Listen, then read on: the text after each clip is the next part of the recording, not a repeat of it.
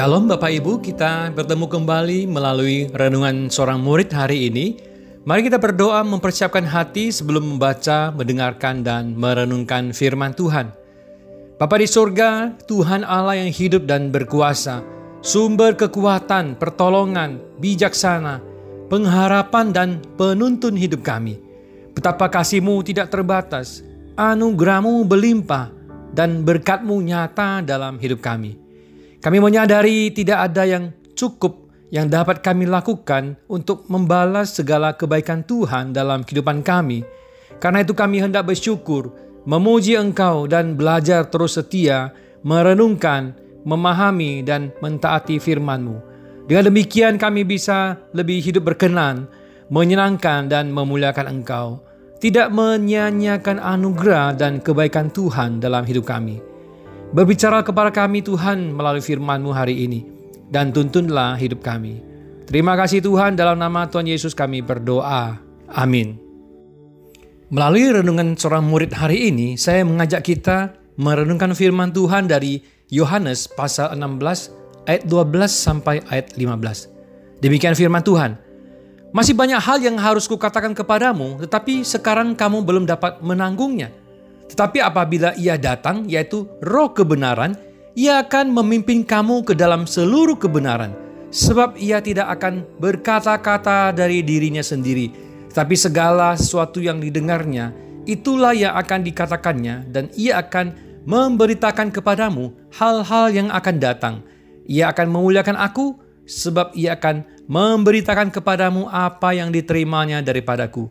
Segala sesuatu yang Bapa punya adalah aku punya. Sebab itu aku berkata, ia akan memberitakan kepadamu apa yang diterimanya daripadaku.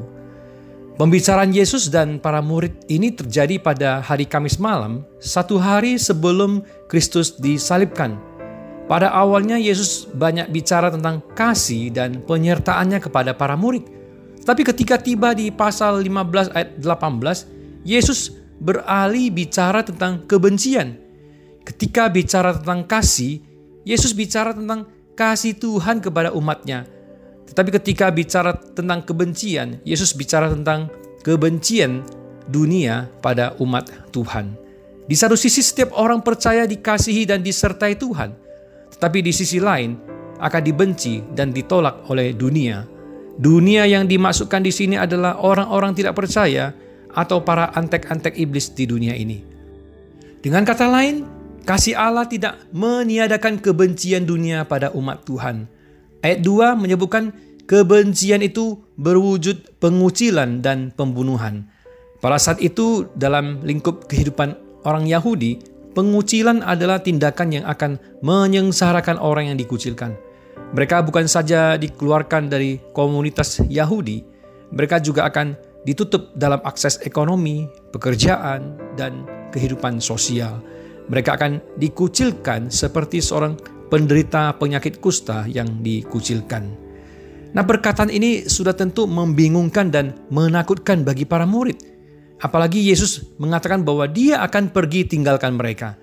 Padahal sebelumnya mereka mengira bahwa Kristus datang untuk menaklukkan bangsa Romawi dan mendirikan kerajaan Israel di dunia. Tetapi justru Kristus malah memberitahukan kepada mereka tentang penolakan yang akan dialami yang akan dilakukan oleh pemimpin agama Yahudi dan juga tentang kepergian atau kematiannya. Para murid tidak memahami kenapa Yesus harus mati dan pergi tinggalkan mereka. Para murid juga tidak mengerti jika Tuhan mengasihi mereka, kenapa mereka juga harus mengalami begitu banyak kesulitan dan ancaman di masa yang akan datang.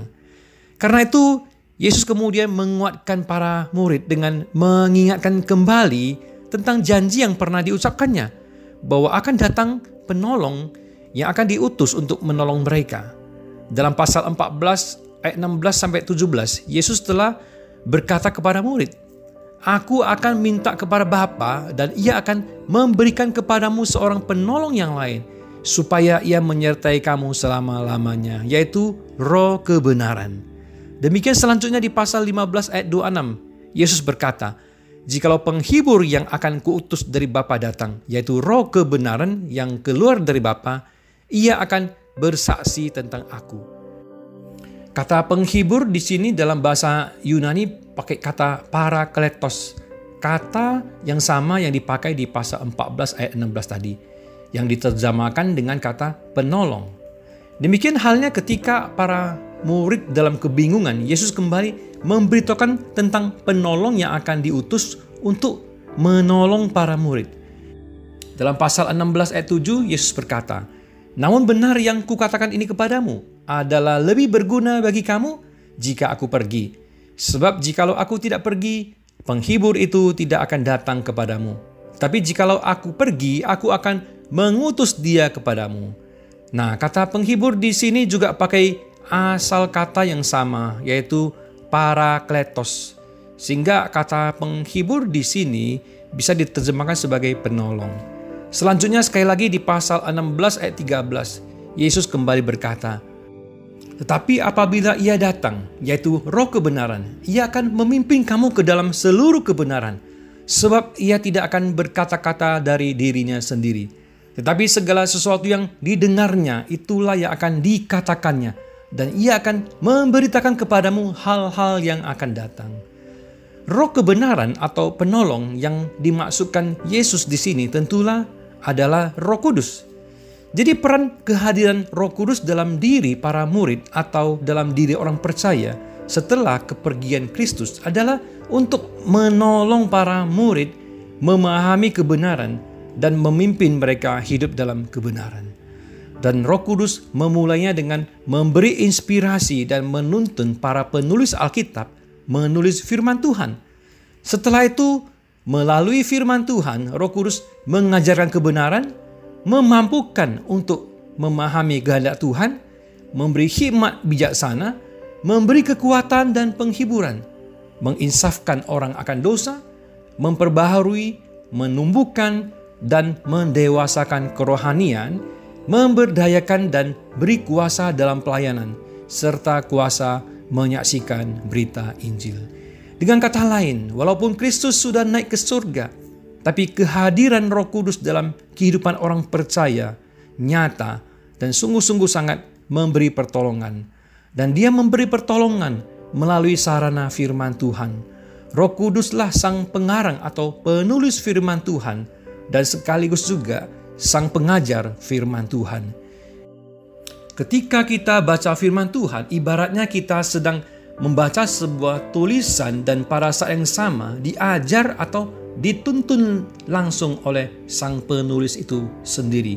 Jadi ketika kita membaca dan merenungkan firman Tuhan, kita diajar penulisnya langsung yang adalah Roh Kudus. Dengan kata lain, Roh Kudus menolong dan menuntun hidup kita melalui firman Tuhan. Karena itu mari kita menghargai dan mencintai firman Tuhan. Kita bisa menghargai dan mencintai firman Tuhan dengan tekun dan disiplin membaca, merenungkan, mengingat, dan mentaatinya.